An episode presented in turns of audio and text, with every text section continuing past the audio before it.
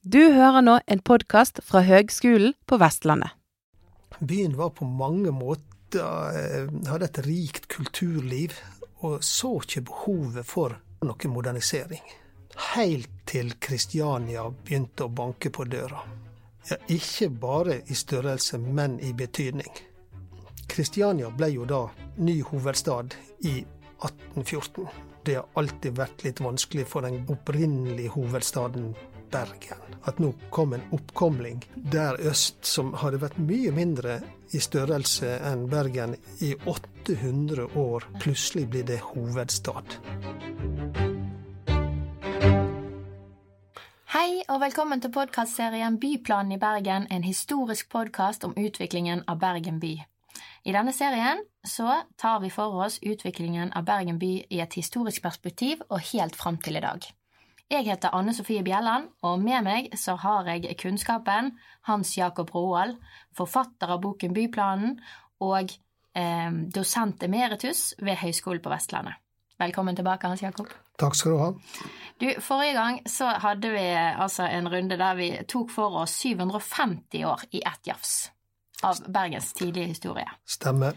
Eh, og da lurer jeg litt på, nå er vi på eh, episode to, hvorfor kan ikke vi bare jafse ett jafs til, og så er vi på en måte i mål frem til i dag? Ja, det er i hvert fall Det er sikkert de som kanskje greier det, men jeg greier det ikke. For det er grunn til at vi kunne ta et sånt stort jafs forrige gang. Mm. Det var kontinuiteten i utviklinga av byen. Byen var et stort havne, eh, varelager. Mm. Det var eh, fisk ut og korn inn, for å si det veldig, veldig enkelt. Og byen vokste i størrelse, og, eh, og, og det var en treby. Og den brente ved jevne mellomrom. Mm. Og den hadde en byplan som bestod av eh, rader av trehus som vendte seg ned mot Vågen, så var jo livsnerven til byen. Det var havna. Og etter hver by, så da, når hver brann, så utvida en en allmenning her og en allmenning der.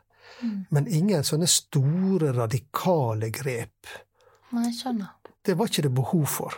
Byen funka. Ja. Men i dag så skal vi ta for oss en liten hundreårsperiode cirka. Ja. Fra 1800-tallet sånn cirka. Mm. For da braker det løs? Ja, og det braker løs, men ikke i Bergen, til å begynne med. Det braker løs ute i Europa. Og Bergen hadde det veldig greit på 1700-tallet, og hadde det vært opp til Bergen, så hadde en fortsatt å, å eh, leve som en gjorde på 1700-tallet et par hundre år til. Men det skjedde et eller annet voldsomt, og det skjedde i England. Okay. Fortell. Ja, altså i, i den boka som jeg har skrevet om byplanhistorie, eh, så har jeg brukt et ord, et litt fremmedord, som heter paradigmeskifte. Ja, og det må du forklare, tror jeg. Hva ja, ligger i det?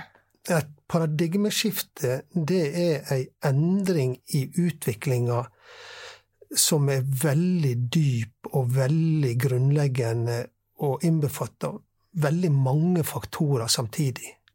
Og den er så grunnleggende at det, tida før og etter er, er, er veldig stor.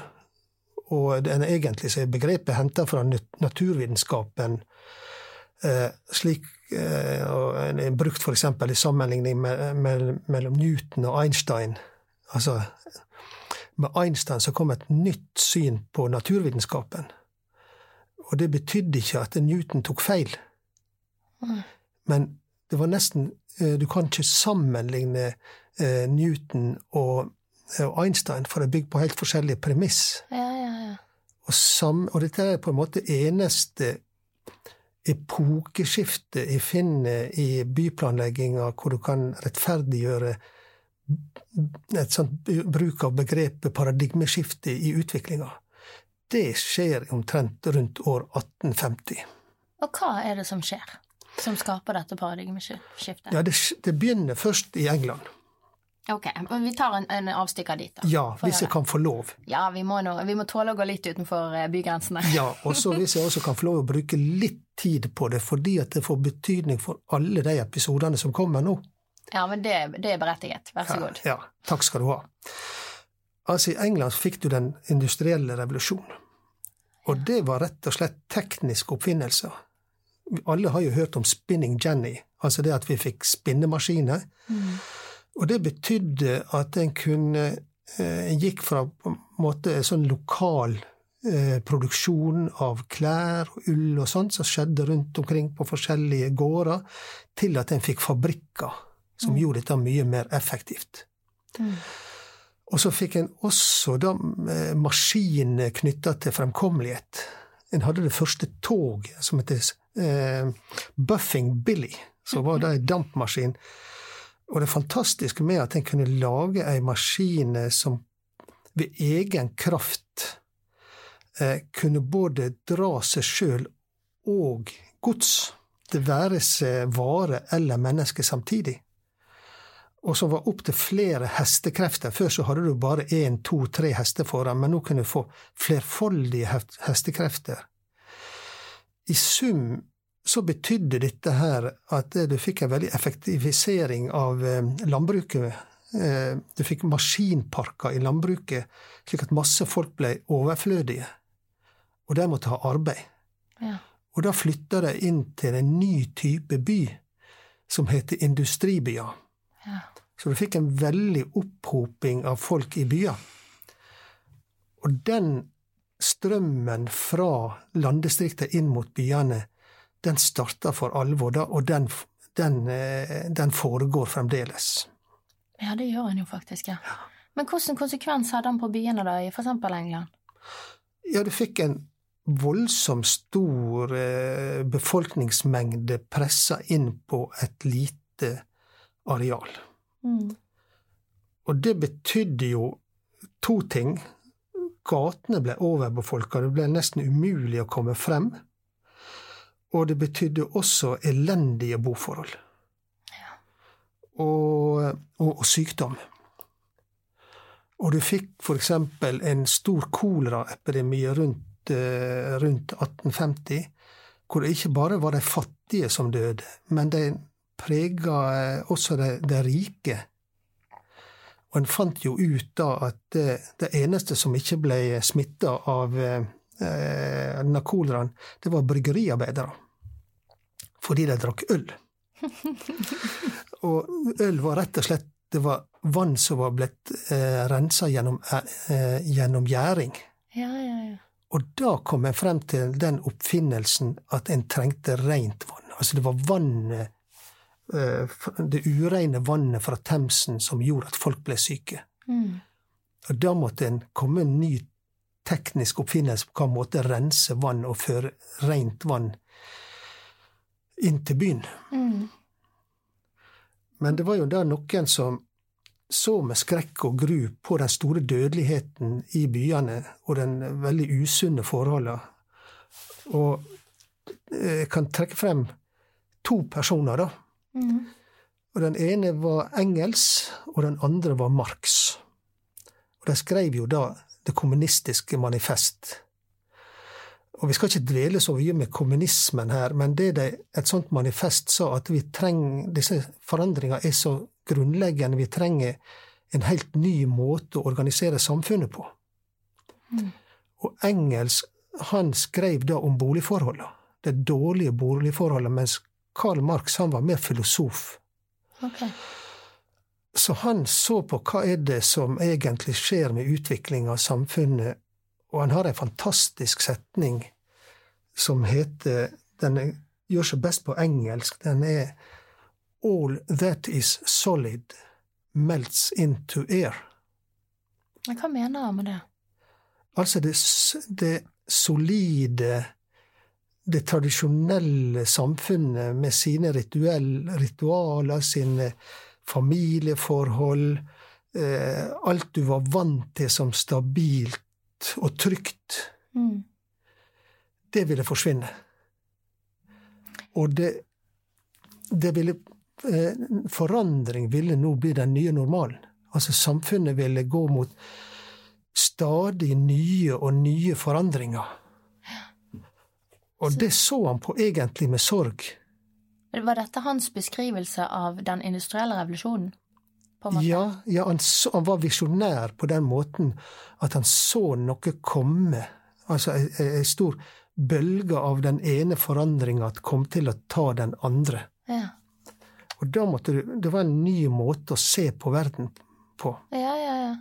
Men var det noen byer som håndterte dette bedre enn England, eller hørtes ut til å gjøre det? Ja, England var jo eh, Greide du det ikke? Nei. Det hørtes ikke sånn ut. Nei. England har ikke grunnlov. Nei. Har aldri hatt grunnlov. Såpass. Det er ganske kaotisk styre der borte. Ja. Men en, som, en by som hadde et sterkt styre, eh, det var jo Paris. Paris hadde hatt opplysningstida Mhm. og hatt Napoleon. ja. Napoleon han sørga for en veldig sterk stat, og at det var et oppegående embetsverk. Mm. Slik at de observerte hva som skjedde i, i England, og kunne dra erfaringene derfra for å modernisere eh, byen Paris. Mm. Og eh, da fikk eh, en herremann ved navn Hausmann i, eh, i oppdrag å modernisere Paris. Gjøre Paris til en moderne by. Det er en Spennende oppgave. Ja da, og han greide det. Oi! Han er den første som virkelig greide et sånt stort grep. For Paris var en svær by, og det var en middelalderby. Og den var omtrent ufremkommelig, prega av akkurat sånn som Bergen med smitt og smau, Mm. og usunnhet. Altså eh, Og det han gjorde da, han fikk anlagt et helt nytt gatenett oppå det gamle. Altså, vi kjenner jo alle Champs-Élysées og alle disse boulevardene. Og med det så fikk han en ny og bedre fremkommelighet i byen. Bredere gate, luft inn, og, eh, og en mye mer det vi kaller for en kontinental byggeskikk i dag. Men det mest spennende var det som var under bakken. Der fikk han da anlagt vann og kloakk, og etter hvert også da undergrunnsbane. Oi, oi, oi. Så da på en måte fikk eh, Han skar seg gjennom byen. Og så, når vi snøtt først snakka om dette her med, med sunnhet, så eh, brukte han da metaforer fra helsevesenet, eller medisin. Altså det du kan kalle for, for kirurgiske snitt i byen. Altså Istedenfor å sanere hele byen, så tok han noen, noen strategiske eh, kirurgiske snitt i byen for å få han til å fungere. Ja. Det er vel gjerne sånn vi jobber med byutvikling også i dag. Ja visst er det det. Ja. Og det hvis jeg kan tilføye Og da har det jo også med, også med økonomi å gjøre, at det ikke behøvde å sanere en hel by. Men det har noe med forholdet mellom nytt og gammelt. Mm. At det, du fikk på en måte Ved å modernisere byen, så kunne du på en måte holde byen gående. Ja. Og den gamle byen kunne ligge der. Mm. Og det er jo det som er det fantastisk fascinerende med Paris i dag. Du går i disse bulevardene, og så går du utafor dem, og da er du inne i den gamle middelalderstrukturen. Og dette der forholdet mellom nytt og gammelt, det er på en måte en, en ambivalens eh, hva si, mellom det å bevare det gamle og ha det med seg, ha med seg tradisjonene i historien sin, og det å ville være moderne. Mm. Og akkurat den ambivalensen, tro, den er det alle gamle byer, inklusiv Bergen, har med seg hele tida. Hvor langt må vi gå i fornyelse for å henge med i tida, og hvor mye av det gamle skal vi ta med oss? Ja. Det er utfordringer vi blir møtt med gang på gang. Og det er litt av grunnen til at jeg vil bruke litt tid på for denne her eh, epoken som vi nå går inn i. ja. ja for nå, nå hiver vi oss tilbake til byen. Altså til Bergen. Ok, The one and only. Eh, for det at vi må jo liksom Der vi forlot byen sist, så var jo det en stabil by, som du sa. Sant? Vi hadde vårt handelsprivilegium som, hadde, som ga oss vår livsrett, og så brant vi ned, og vi bygget det opp, og vi brant ned og bygget det opp og sånn. Men denne industrielle revolusjonen, kom den inn, og så ble Bergen en industriby? Nei. Du må skuffe det. Å ja. Blei ikke det. Hvorfor det? Nei. Det var så enkelt, her var ikke ei elv. Var det så enkelt? Så enkelt var det. Altså, den nærmeste elva vi fikk i byen, det er Starefossen. Mm. Og den var jo altfor liten og altfor ustabil. Ja. Men hvis vi går litt utafor byen, og når vi snakker byen på den tida, så var det en veldig liten greie. ja, vi snakker vel bare Vågen og Nordnes-området? Ja, bygrensa gikk ved, midt på Lille Lungårdsvann. ja. Såpass, ja. Ja. Og eh, Laksevåg var ikke med, ikke sant? Nei. Og, eh, men du hadde elleve utafor byen. Indre, Ytre, Ana og Vaksdal, eksempel. Der vokste det opp, eh, vokste det opp eh, industri, da. Okay. Men ikke i, ikke i selve Bergen. Ikke i Bergen. Men det gjorde ikke noe til å begynne med. Ja, fortell. Vi brydde oss ikke, vi. Ikke det at Brun trengte ikke det, fordi at byen fungerte jo. Altså, du var fremdeles i seilskutetida. Og, og, og eh, byen var på mange måter eh, Hadde et rikt kulturliv, og så ikke behovet for, for noe modernisering. Helt til Kristiania begynte å banke på døra. Ja, for da snakker vi Dette, dette er en veldig viktig del av, av vår traumatiske fortid. At Kristiania faktisk går forbi Bergen i størrelse. Ja, ikke bare i størrelse, men i betydning. Å, helledusen. Ja, Ja. fortell. Hva skjedde? Hva var det som gikk gale? Jeg vet ikke om vi kan si gikk gale, men eh, Kristiania ble jo da eh, ny hovedstad i 1814. Mm. Og det har alltid vært litt vanskelig for den gamle, opprinnelige hovedstaden Bergen. Mm. At nå kom en oppkomling der øst, som hadde vært mye mindre i størrelse enn Bergen i, i 800 år. Plutselig blir det hovedstad.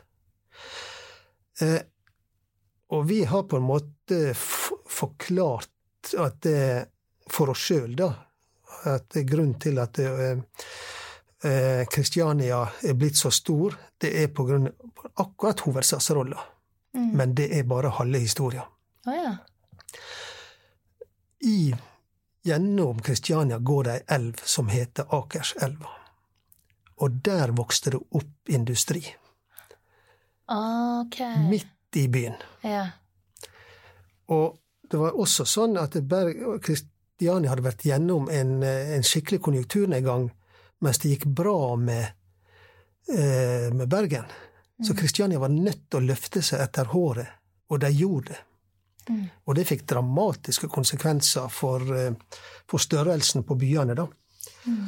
Altså, i, eh, i 1835 så var det da 23 000 mennesker i Bergen og 32 000 i Kristiania. Altså, da hadde Kristiania nettopp passert Bergen. Ja. Men for å si litt om hva som skjedde videre, den flyten Kristiania var inne i, det var det at hvis vi går frem til neste århundreskifte, altså 1900, Mm. så bodde det omtrent to- 80 000 mennesker i Bergen. Altså voldsom økning. ja ja, det var jo det. Men 255 000 i Kristiania. Å, helledusen. Ja, Ok. Da, da, da, var, da var ikke det tvil lenger Nei. hvem som var størst. Nei, nei, nei, klart det. Heldigvis. Men hvordan, hva skal vi si om Bergen på den tiden, da? En borgerskapets by? Ja, det var jo på begynnelsen av 1800-tallet så var det jo en lykkelig og festlig by. Mm. Men så fikk vi en stat, da. Altså eh, den norske staten. Og den måtte ha nye lover, den måtte ha nye regler og alt mulig. Og det første som skjedde, var jo det at en mista kompetanse. Altså, Ja, for de hadde vært eh, danske, disse som kunne ja, det, altså Byplanleggerne i Norge de var rekvirert av kongen i, i Danmark. i Danmark. Ja.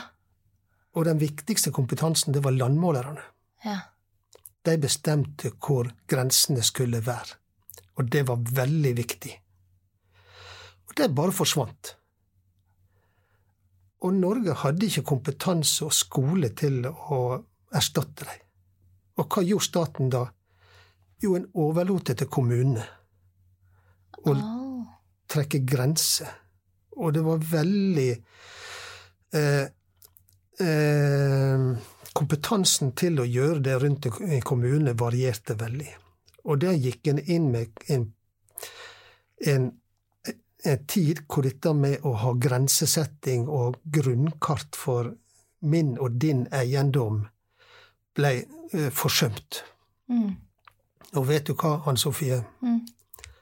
Det er grunnlaget for at vi i Norge er kanskje en av de mest kranglete landene i verden. I hvert fall i Europa. Ja.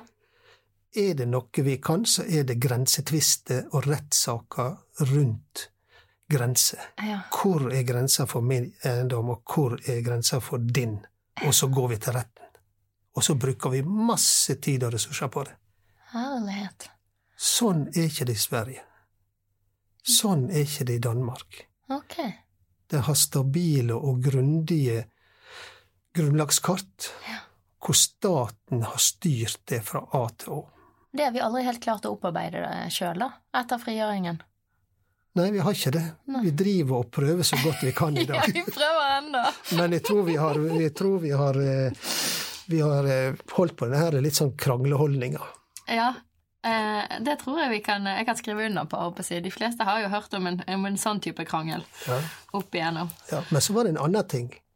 Ja. Det var det at vi måtte ha en ny administrasjon i byene. Ja. Så byene ble pålagt å, å ansette en statskonduktør. Ok. Som Det, skulle altså, skulle lede planarbeidet og oppmålinga. Ok. Så Så da ble Bergen pålagt av hovedstaden å ansette en statskonduktør. Det, det hørtes ikke lovende ut, Hans Jakob. Påleggelser, liksom. Det har Bergen Nei. aldri vært god på. nei, og da måtte Bergen Og da ble det en som heter Høeg, som ble ansatt i 1842. Ja. Og han var arkitekt. Ok. Og han tegna da eh, første bygget til Norges Bank ned på Vågsalmenningen. Og der ser du tydelig et, et eh, majestetisk hus i eh, klassisk arkitektur. Eh, Og det var alt vel og bra. Han kunne tegne hus. Okay. Men som en forgjenger, også arkitekt som heter Reichborn, så fikk han i oppdrag å måle opp byen. Å nei, ikke si at han sa ja. Han sa han måtte. Oh, ja. Det var jobben hans. Ofte. Ja. Og han fikk en helt umulig oppgave. Han skulle tegne opp og måle opp hele byen helt alene, uten assistent. Du har sett sånne folk som står med sånne målegreier, og sånn, så har det en som står med sånn målestokk. ja, du skal jo helst være to i en sånn uh, Ja. affære. Ja, og han søkte da om uh, penger til en assistent. Ja. Uh, men byens myndigheter sa nei. ja, de ville ikke at han skulle få til oppdraget, eller? Ja, det vet vi aldri. Nei, det vet Men han sa dette får jeg bare ikke til. Mm. Og så begynte han, og så gjorde han så godt han kunne, og selvfølgelig så, så greide ikke han holde noe fremdrift med det. Åh. Og da ble han da, rett og slett, som Reichborn ble han avsatt da i 1848. Jøss. Ikke bare at han ble avsatt. Han, akkurat som Reichborn så falt han i ulykke og ble, ble utstøtt. Nei, Så han endte på asylet. nei, stakkars fyr. Ja, Det er rett og risky slett. business å hive seg inn i byutvikling i, i Bergen, altså. Veldig, veldig. Uff a meg. Men da var det sikkert den som vi var inne på det i forrige episode òg, en slags sånn motvilje, eller sånn kranglevårenhet i, i bergenserne, som egentlig satte litt tømmer i hjulene for han. Ja, og på en måte så kom det til et sånt metningsfullt punkt, da. Vi snakker om 1848 her nå. Mm. Og hvis en da tar pressa i Kristiania, Mm. så hadde jo de journalister og sånt som dro til Bergen, da, Mm. og så denne byen her, og observerte da denne byen. Mm. Og de observerte en by som ikke fulgte med i timen. Nei, for vi var så komfortable. Komfortable, innadvendte, tilbakeskuende, Mm. og en by totalt som mangla totalt modernisering. Okay. Og den fikk da betegnelsen eh, stillstandsbyen. Oi. Ja. Ikke bare det han ble mobba. Nei. Jo, rett og slett. Det var en som skrev det at bergenserne minner om en oterkoloni som klumpa seg sammen opp på et fjell, og de lukta fisk. Å helledussen, du. Dette kan ikke borgerskapet ha blitt begeistret for å høre. Nei, bare to år etter at eh, Høg eh, ble avsatt, eh, så var det noen som hadde tenkt sammen og bestemt seg. Vi må bli moderne. Hvem var de som hadde tenkt seg om? Borgerskapet i Bergen. Ja, det var disse her, jeg håper å si, de rike. Ja, det de med makt, altså handelsstanden først og fremst. Ja, ok. Ja, så de ville gjøre noe med saken? De ville gjøre noe med saken. Dette kan ikke vi ha hengende på oss. Vi må fornye oss. Vi må bli moderne.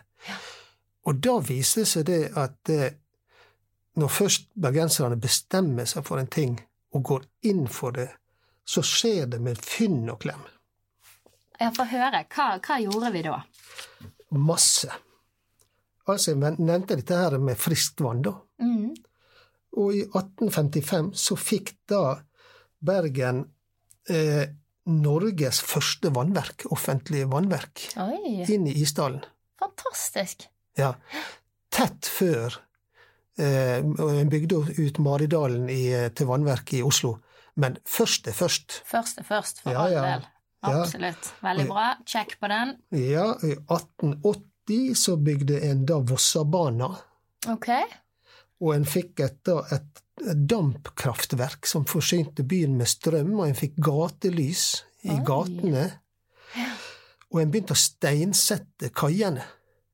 Ja, sånn at de var litt mer robuste for Ja, så kunne eh, ta imot store skip av jern. Ja, ja, ja. Så da var det teknologien som leda an Ja. Til å gjøre byen eh, moderne. ja. Men jeg må bare spørre, denne Vossabana, er det egentlig begynnelsen på Bergensbanen? Ja, visst er det det. Ja, det er liksom første byggetrinn, på en måte. Ja da. Mm. Han kom inn i byen på en helt annen plass enn nå, da. Ja. Ja. Stilig. Men eh, på, på plannivå og sånn, gjorde man noe grep med utviklingen av byen? Ja da, det gjorde en. Og i rundt 1850 så eh, fikk en da den første reguleringsplanen som ble laga uten at det var forårsaka av en brann. Oi, det er Så jo faktisk noe å nevne, ja. Ja. Og 1850, det er et sånt trylleslag av et år. Det var omtrent da eh, planen for eh, Paris med Hausmann ble laga. Mm. Wien fikk en helt moderne plan der, så, og Barcelona fikk en helt moderne plan. Ja. Så det er en sånn magi som går over Europa, at akkurat da blir det laga store, viktige, moderne byplaner. Og da var Bergen med, akkurat i startfeltet, på riktig tid. ja. Stilig. Og hvordan var denne planen, da? Jo, den planen, den var både god og dårlig. Det viktigste var at det var en plan. Mm. Eh, men det var prega av kvartalstrukturer. Altså, en god plan skulle på den tida være forma av mest mulig identiske kvartal. Det var om å gjøre å finne det i den det ideelle kvartalsenheten, som var rektangulært, og folk skulle bevege seg vinkelrett. Altså, du gikk frem, og så tok du 90 grader til høyre, enn 90 grader til venstre, og så fikk du da plan som da var fra Vågen omtrent, og så oppover mot Nygårdshøyden. Mm. Og det å lage en vinkelrett plan opp mot Nygårdshøyden, det var jo ikke bare bare, for Nygårdshøyden er jo en høyde. Nettopp. Den er bratt. Ja. Og da skulle du gå rett opp bratte bakker. Ja. Så han var jo veldig eh, eh, dårlig tilpassa terrenget, da, ja. for å si det mildt. Men de brydde seg ikke om det? Nei, dette var idealet. Ja, skjønner. Og det var ingeniørene som lagde eh, planene, Mhm. reguleringsplanene, og arkitektene, de tegnte husa. Jeg skjønner. Men ble ikke det etablert noen litt sånne store akser, eh, altså de aksene vi ser i dag? Jo da, altså, jeg nevnte forrige gang denne her store brannen fra 1702, da. Mm. Da fikk vi Bergens første akse, som gikk da gjennom Torgallmenningen opp mot Nygårdshøyden. Mm. Nå fikk vi en ny akse, selvfølgelig vinkelrett på denne. Ja. Den gikk da fra Skulle gå da fra eh, Engen, Mhm. som det heter der som eh, teateret ligger i dag. Det var en, da en eksersesplass. Og ned mot byen skulle krysse da eh, den her Torgallmenning-aksen og inn, til, inn mot eh, eh, Lille Lungegårdsvann. ja. Og da var bergenserne plutselig blitt eh, opptatt av estetikk i bybildet. Altså akkurat den krysninga med disse to aksene. Og de investerte i da på en måte å få denne her nye allmenningen som gikk fra Engen og ned mot, eh, eh, mot eh, Lille Lungegårdsvann, og kjøpe opp hus som lå i den for å skape en akse med, med utsikt mot byens hellige fjell, mot Ulriken. Ja, ja, ja. Så da hadde de virkelig sånn tatt inn ideene fra eh, liksom stor, klassisk eh, arkitektur- og byplantenking, da. Ja, ja det, da, nå begynner jeg å se konturene av ting vi ser i dag òg, holdt på å si. Ja. Men, men, men bare fordi du snakker om Lille Lungårdsvann, men på denne tiden her, så var vel Gikk ikke Lille Lungårdsvann i ett med Store Lungårdsvann, og hvordan var det med vannet? Og, og, Vågen òg? Alt i ett? Eller? Nei, Ikke akkurat Vågen, da, men Nei. en gang i, for lenge siden så var jo, gikk jo vannet eh, sammenhengende fra Vågen og inn i dag som er Lunge- Lungegårdsvannene, men du hadde, hadde hatt landheving da. Ok. Ja. Eh, men eh, det var da eh, eh, Det var jo da vann, sammenhengende vann mellom Lille og Store, store Lungårdsvann. Ok. Ja. Så du har, vi har jo da Kaigaten midt inne i byen. Ja. ja, vi har jo faktisk det. Det er helt sant. Ok, men det er jo bevis for at det, var gjennomgående vann der, ja. Ja, ja. Men, men kule bygninger, eller momentbygg, hva kom på denne tiden? Ja, da begynte bergenserne å eh, Altså, en skulte jo da til Kristiania, som fikk det ene monumentet etter det andre. Først og fremst Slottet, da. Mm. Og, eh, og akkurat der har bergenserne grunn til å på en måte være litt fornærma på staten. For staten betalte alle de nasjonale monumentene i, i Kristian, Kristiania, som det fremdeles heter da, Mm. mens ingen i Bergen. Oi? Ja. Ingen? Ingen. Ja, hvem betalte her, da? Altså akkurat Norges Bank var jo staten som bygde da tidligere tollboden og sånt. Ja. Eh, Men det var også dette tanken på å bli moderne. Da, da ville jeg først og fremst eh, fremheve eh, Naturhistorisk museum Mm. eh, på Nygårdshøyden. ja. Altså Bergenserne fant ut vi må ha et moderne museum. Så igjen var det borgerskapet, da? Ja, borgerskapet spleisa. Ja. Og det skal være stort, og det skal være flott, og det skal ligge på en høyde. Mm. Og vi trenger kunnskap. Mm. Og da ligger på en måte dette her lageret der oppe som en sånn kunnskapens akropolis, Mm. som rager over byen. Og det var viktig å ha god avstand til Vågen. Ja. I dag har vi litt sånn romantiske forestillinger om, eh, om Vågen som en sånn promenadeplass og sted for historisk kontemplasjon og sånt. Mm. Men på den tida så var det bråk og spetakkel og lukt og Altså, det var en, det var en arbeidsplass de- de luxe. Ja.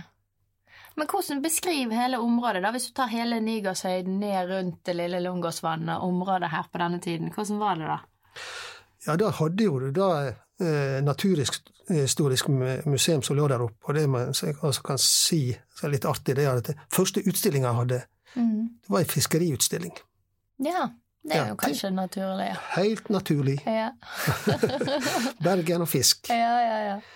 Men en hadde da ikke veitilknytning fra sentrum opp dit. Altså du måtte litt ut på båt og, og sånt. Og du har ikke den fine forma som du har på Lungårdsvannet i dag, med unntak av den sida som ligger inn mot marken. Ok. Der fikk en anlagt en promenade. Ok. Og det var Bergen havnevesen som fikk ordre om å bygge en promenade der. For havnevesenet de hadde inntekt eh, på en måte med, med, med sånt skip som kom eh, inn og ut. Mm. Og havnevesenet ville helst bygge kaier. For de sa at det er derfor vi har et havnevesen, for å bygge kaier. Mens borgerskapet i Bergen de sa nei, bygg en promenade så folk kan promenere inne i byen. Aha. Så det ble pålagt å lage en promenade. Ja. Men på andre sida, ved foten av eh, Nygårdshøyden, mm. der lå garveri. Nei, Jo, gjorde det det? ja, Er ikke det en ganske illeluktende geskjeft, håper jeg å si? grusomt. Ja. Altså, da. Ja, de, de gikk jo skrotta fra dyr og, og sånt rett ut i smålungene, Ja. og der var det dårlig gjennomstrømning, så det måtte jo ha lukta pyton. Oh. Så jeg ser for meg borgerskapet gå promenadeturer på søndagene og holde seg for nesen. Ja. Fantastisk. Ja, Det var jo på den tiden Fjellveien kom også, som et lite sånn derre å, opp i luften-tiltak. ja, ja. ja, ja, ja. Men, men, eh, men hva med boligene, da? Hvordan gikk det med boligbyggingen? Det var krevende, da. Det var jo på en måte et litt sånn sorgens kapittel, for det tilstrømninga til byen var jo, med folk var jo veldig stor. Mm. Og en mangla både eh, areal og måter å bygge på som kunne tjene folk flest. Mm.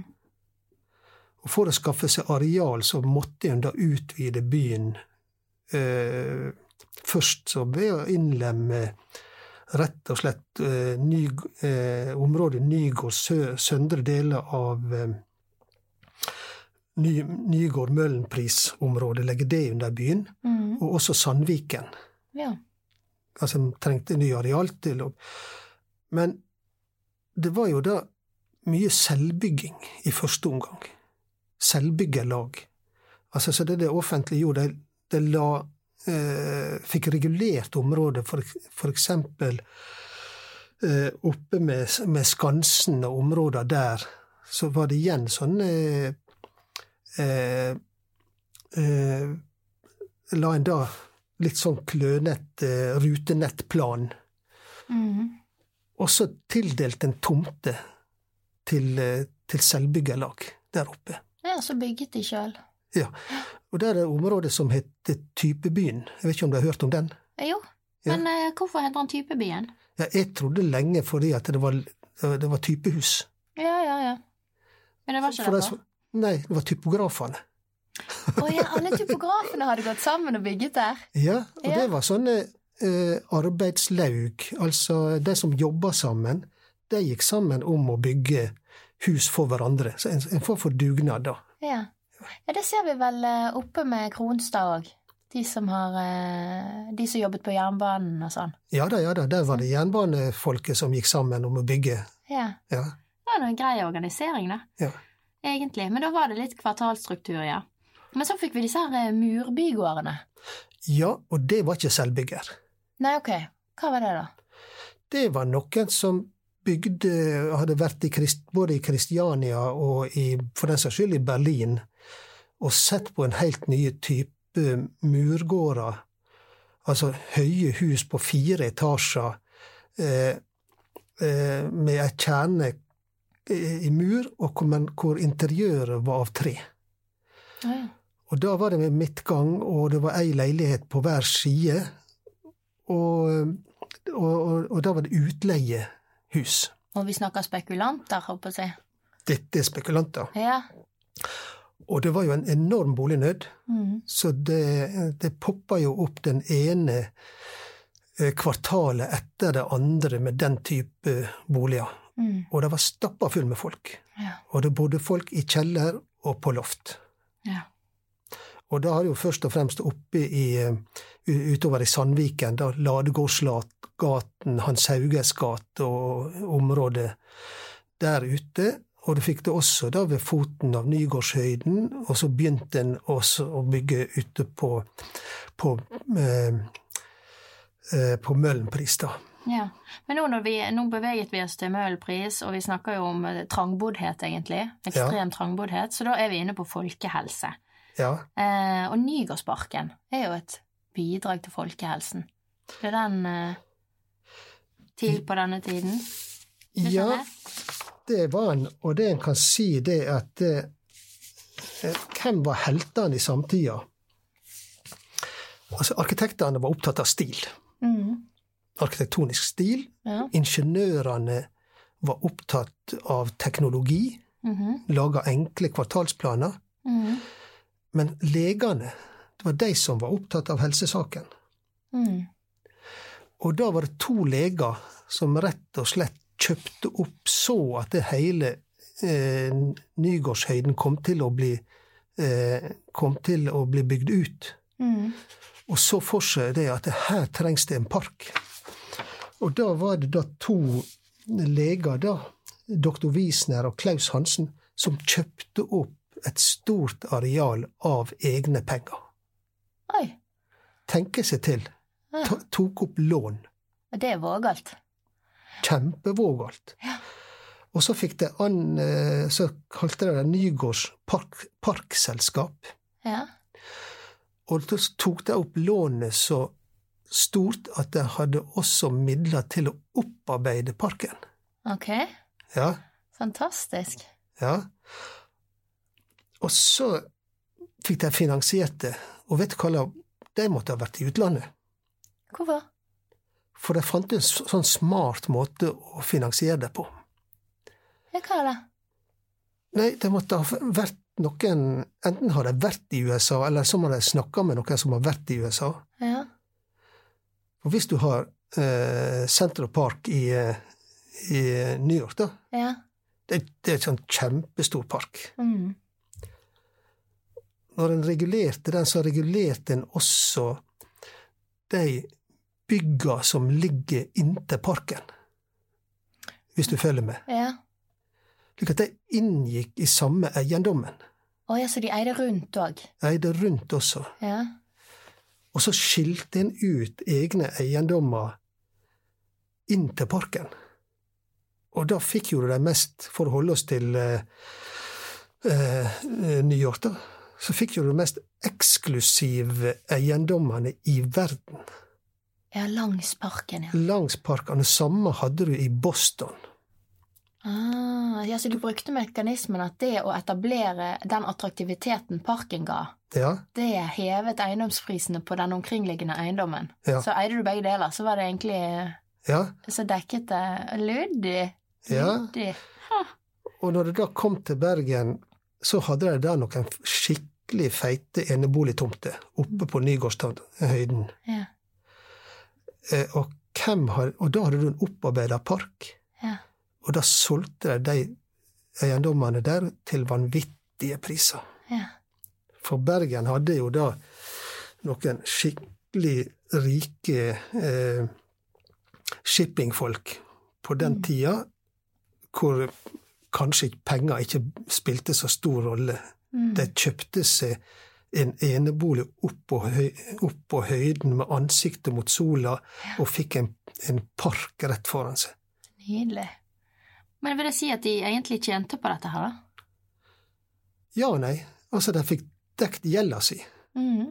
Kunne gå, gå tilbake til familien sin og fortelle Husker du dette her i svære lånet vi tok opp for, for fem-ti år siden, som, eh, som vi alle sammen har vært veldig nervøse for? Mm. eh, hvordan det gikk. eh, ja, gjett om de husker det. Ja, nå har vi solgt eh, Nå har vi solgt, og vi har betalt tilbake lånet. Å, så kjekt. En stor lettelse. Men ikke bare det, vi gikk med overskudd. Å, så kjekt. Da kan vi kanskje kjøpe oss det og det, eller dra dit og dit. Så de sikkert i heimen. Ja. Nei da. Dette var sanne idealister. Vet du hva de gjorde? Nei. De ga overskuddet til kommuner. Nei. Jo. Hvorfor? Du, det er ikke rart det finnes en, en kafé eller restaurant eh, oppnevnt etter dr. Wiesner i dag. Nei, All Det- det ville ingen arkitekter eller ingeniører, for den saks skyld advokater, gjort i dag. Nei.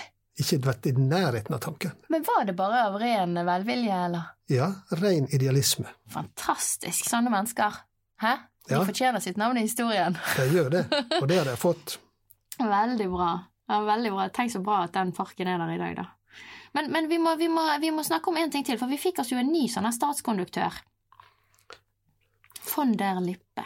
Ja, rart navn. Ja. Og han fikk en bedre skjebne enn sin forgjenger. Ja, det var godt å høre. Ja. For da ble han tatt imot av byen, og de forsto det at det, var behov for eh, eh, For eh, arkitektonisk program for utforming av byen. Mm. Og da tror jeg skal vi ta og en tur bort på bryggesiden. Altså, Bryggen var jo eh, Bergens senter. Kjernen i alt. Hvor, hvordan gikk det med Bryggen på denne tiden? Smeltet den og ble til luft? Nei da. Du tenker på dette sit- sitatet 'All that is solid is melts into air'? Ja. Ja, ja. Litt sånn dårlig oversetting. Bryggen sto der, den. Og den var jo ikke blitt gjenstand for en brann eh, helt fra Altså den som var bygd opp i 1702. Den sto der fremdeles. Ja, men, men ble han brukt til det han Nei, altså den var jo, ble jo mindre og mindre relevant som et sentralt beliggende næringsareal. Eh, og det, de som eide bryggegårdene, de ville jo ha valuta for pengene. ja. Altså, de ville jo ha eh, De ville jo ha drivverdige hus. Og da var det det at eh, disse her eh, De som eide ene halvparten av Bryggen, det som ligger nærmest Vågsbunn, de gikk sammen og danna et eget selskap som heter Tyskebryggens interesseselskap. Eh, og laga en ny plan. De ville rive og bygge nye, funksjonelle, moderne bygg. Fikk de lov? De fikk lov. Ok, ja, for det ser vi jo i dag. Ja, Ja. men med forbehold. Ok, Og da var jo det en eh, Dette her eh, Det ble de pålagt da av eh, statskonduktøren eh, von der Lippe å lage ei utredning på hva måte dette her skulle skje. For at vi var jo fremdeles da i en sånn Norge var fremdeles en ung nasjon, og vi var jo på en måte veldig sånn oppe i diskusjonen som leda frem til 1905, altså fullstendig frigjøring. mm. Og hva slags stil var det en da skulle velge for den nye eh, Bryggen? Skulle det være en nasjonal manifestasjon, eller skulle det være en bergensmanifestasjon? Eller hva skulle det være? Og da kom de frem til at eh, vi får engasjere en arkitekt til å lage et fasadeoppriss for hele Bryggen mot Vågen. Og det han gjorde da, det var arkitekt Kielland, da. Han kom med et konsept som da viste litt oppblåste eh, bryggegårder. Altså, jeg tok fatt i denne gavlfasaden fra de små eh, trehusa og bare blåste det opp i dimensjon, og så satt de ved siden av hverandre. Så dermed så ble det et bergensmotiv, og så ble det bygd i mur. Ja, og de står jo der den dag i dag. Ja visst gjør de det. Ja. Og hvis du ser på årstallet på noen av fasadene der, så vil du se 1903-1904, og vet du hva som skjedde i 1904? Nei. Ålesund brant. Å, helle dusen. Ja. Det er min hjemby. Ja. Og den ble bygd opp i mur. Ja. Og vet du hvorfor det? Murtvangen. Murtvangen, ja. Ja. da var det internasjonale forsikringsselskap som ga klar beskjed til Norge. Nå vil ikke vi være med og betale for gjenoppbygging av norske trebyer lenger.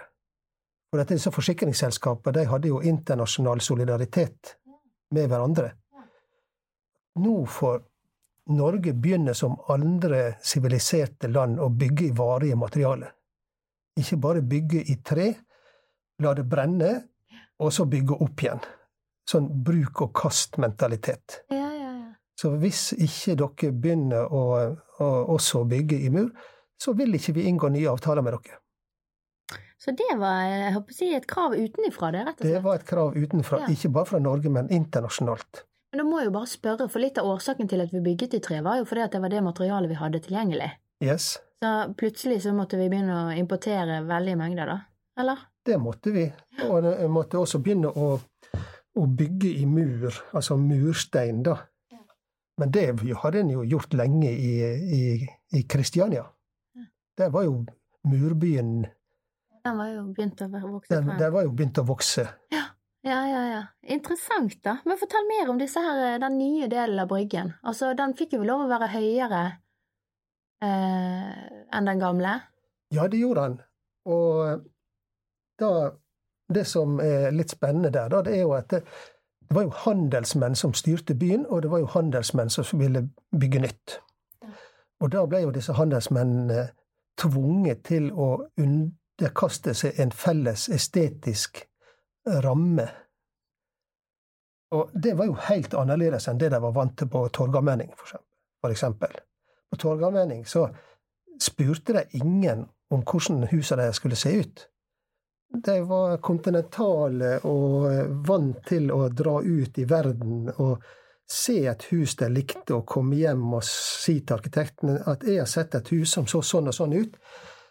Nå skal du tegne et sånt hus til meg. Og så ble det sånn. Er det derfor det er litt sånn varierende stiluttrykk rundt uh, Torgallmenningen, egentlig? Nei, egentlig, altså du- må ganske langt unna Torgallmenning i dag for å finne den igjen. Ja, okay. Men denne måten å bygge på Det var et veldig selvstendig eh, borgerskap som visste hva de ville ha, og derfor så den Torgallmenning som var rundt eh, eh, 1900, da, Mm. det var spir og karnapp og eh, alskens festligheter. Ja. Og postkortet et, eh, over Torgallmenning på den tida, det var det mest solgte postkortet fra Bergen. Tenk på det. Stilig. Ja, så det var noe man kom for å se, da. Ja, Men tilbake til det brygge, ut, den nye bryggen, da. Ja. At det, dette var jo hus som var veldig høye for sin tid. Fire etasjer i mur. Men de på Bryggen altså de, bygge, de ville bygge enda høyere. Oi. Ja. Vi vil bygge enda høyere, men de fikk ikke lov Av kommunen. av kommunen, så de ble tvunget til å følge fasadeplanen. Og da kom nok litt sånn gufne meldinger til kommuner, da. Eh, har dere mandat til å hindre oss i å bygge så høyt som vi vil? Og man begynte å stille spørsmål til autoriteten, rett og slett. Yes, og det var noe nytt. Ja. Og vanligvis, helt tilbake til Kristian den fjerde, når han sa at byen skal ligge der, så ble han lagt der. Ja. Og hvis hus skulle være sånn og sånn, så skjedde det. Altså, en, eh, en var veldig sånn eh, tro til autoriteter. ja. Men nå begynte en å spørre rett og slett hva om den loven en, en hadde for hånd, var han sterk nok? Ja, loven som på en måte håndhevet eh, kommunens makt, da? Ja, ja. Og de gikk til rettssak etter at husa var bygd, og ville ha erstatning for de, de etasjene de ikke fikk bygge. Etter at kommunen hadde brukt masse ressurser på at de skulle få bygge det de fikk bygge. Og gå hvor vittig. Ja, vant de, eller? Ja, Og de det gikk helt opp til Høyesterett, og de ble De vant og fikk erstatning. Da må man jo tenke eh, ny lov, tenker jeg. Ja, det var mange som tenkte det at her, er det, her trenger vi en sterkere og tydeligere lov. Ja. Ærlighet. Artig. Men, men, Men- men, eh, dette er vel et resultat av at sant, nå Ja, for man hadde e- endret litt på, på eiendomsstruktur. Ja, det gjorde en. Og det var, det var nå frivillig, ikke sant? At en la opp til en liksom større kvartal. Men hvis en ser da igjen tilbake til den gamle bryggegårdene som vi kjenner til, altså dette her med lange gårder med masse små enheter, og denne her, eh, disse leierettighetene som hadde vart i 800 år, og på mange måter gjorde at, det, eh, at Bergen var så kontinuerlig i sitt uttrykk, det sto nå for fall. Og det som skjedde, det var det at det, det å eie grunn ble et tema. Eh, og fra nå av så ble på en måte grunn i byen, altså selve eh, Selve arealet grunn ble omgjort til en vare. Noe du kunne kjøpe og selge Og utvikle. og utvikle. Det var en forutsetning for utvikling. Og der skiller Norge seg litt fra andre europeiske land på den måten at det, i de fleste, i veldig mange land, så er det på en måte det å eie grunn, det er et offentlig sak. Altså det er det offentlige som eier bygrunn. Det er det som gjør en by til et fellesskap, til et vi. Mens i Norge så er på dette her med å spekulere og kjøpe grunn blitt en veldig viktig drivkraft i byutvikling, og gir i utgangspunktet det offentlige mye mindre handlingsrom på det å styre byutviklinga. Og det, det er jo det vi ser i dag.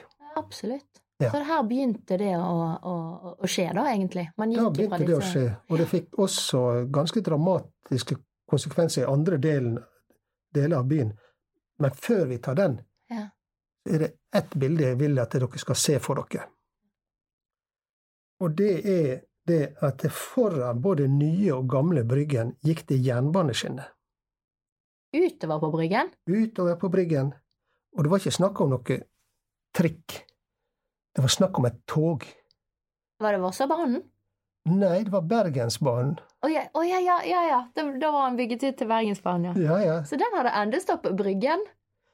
Ja, altså, en måtte da En måtte da ha eh, Det er jo ganske fantastisk å tenke seg at det eh, Da hadde en bygd et Og det kommer litt seinere i tid, da, men allikevel altså Der var Norge fantastisk langt fremme med det å greie å konstruere et lokomotiv som kunne gå eh, fra, eh, i helt ulike klimasoner i løpet av ei reise. Fra flat, kalde flatlandet østover, Mm. opp på fjellet, og så bratt nedover på Vestlandet og ut til Bergen.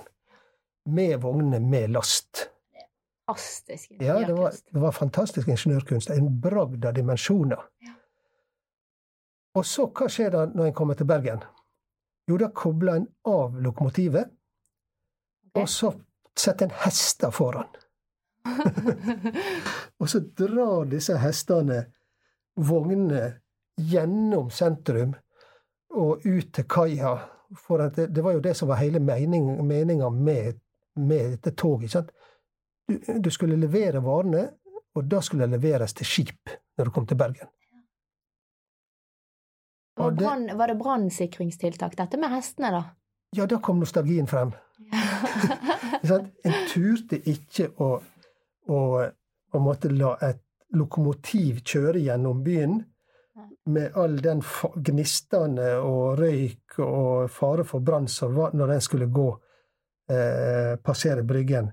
Så selv om en reiv eh, halve Bryggen og bygde nytt der, så hadde en veldig sans for de verdiene, og ta vare på de verdiene som, som var igjen. Så Bergen var hele tida Der har vi den ambivalensen som vi snakka om, med dette fornyelse og, og bevaring. Ja, ja, Den var der i full monn. Og den står jo i dag òg, den nettopp med bybane over Bryggen. Ja visst gjør han det. Så nå vet vi det, folkens. Det har vært en allerede.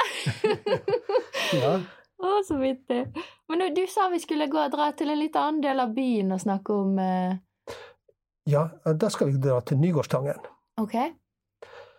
Nygårdstangen var jo utfylte brann Altså den, den, etter hver brann så bare fylte en ut med masser med skrot ut i vannet. Oi. Veldig dårlig byggegrunn. Ja. Og der kom noen da og ville bygge hus. Murgårder. Rett og slett boliger. Og det kom opp til myndighetene, og eh, byens myndigheter, og byens myndigheter sa nei. Dere får ikke lov. På grunn av grunnforhold. Ja, blant annet. Og det kunne også komme i konflikt med fremtidige kommunikasjonsveier østover. Det er mange argument for å si nei. Mm. Men så sier det disse her natige utbyggerne med advokater i baklomma Mm. Har dere mandat til å si nei? Hva mandat har dere? Eh, så måtte de snakke med kommuneadvokaten, og han sier at nei, vi har ikke mandat. Altså, vi har rett og slett ikke mandat til å planlegge vår egen by. Igjen trenger vi en ny planlov. Igjen trenger vi en ny planlov. Ja. Så blir det annonsert at nå vil det komme en ny planlov. Oi. Og da skyndte utbyggerne seg å bygge fortest mulig, mest mulig, før den nye loven- loven kom. Og da fikk du en byggeboom av en annen verden, hvor det ble bygd, bygd mye, for mye, for dårlig, for fort. Og det hele Og det samme skjedde i Kristiania. Enda mer. Og det hele endte med et gedigent økonomisk krakk. Nå er vi sånn cirka Cirka på slutten av eh, eh, 1800-tallet. Ja. Altså, vi kan godt si år 1900, da. Ja. Da fikk vi noe som heter Kristiania-krakket. Og vi kjenner godt til krakket i, eh, i eh, på liksom, det harde 30-åra, det økonomiske krakket som var der da. Det er det vi kjenner. Ja. Men det skjedde først og fremst i USA, da. Ja.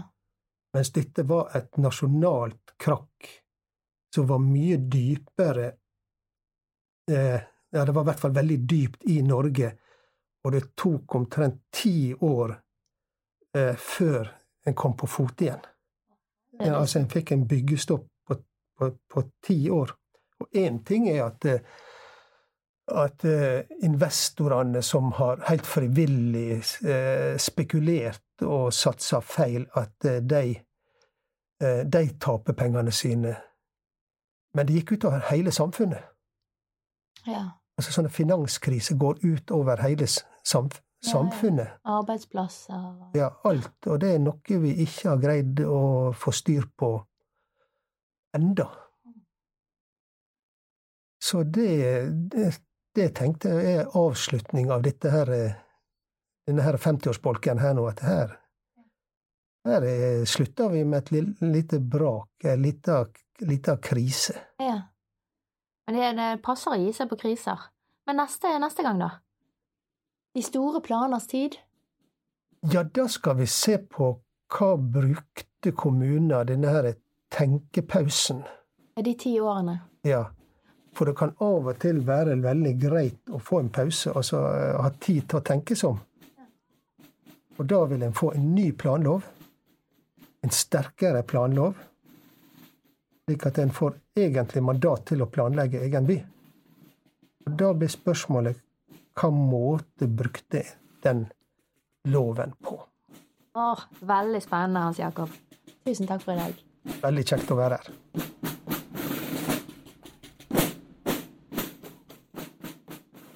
Du har nå hørt en podkast fra Høgskolen på Vestlandet. Du kan høre flere podkaster fra oss ved å gå inn på nettsiden hvl.no slash podkast.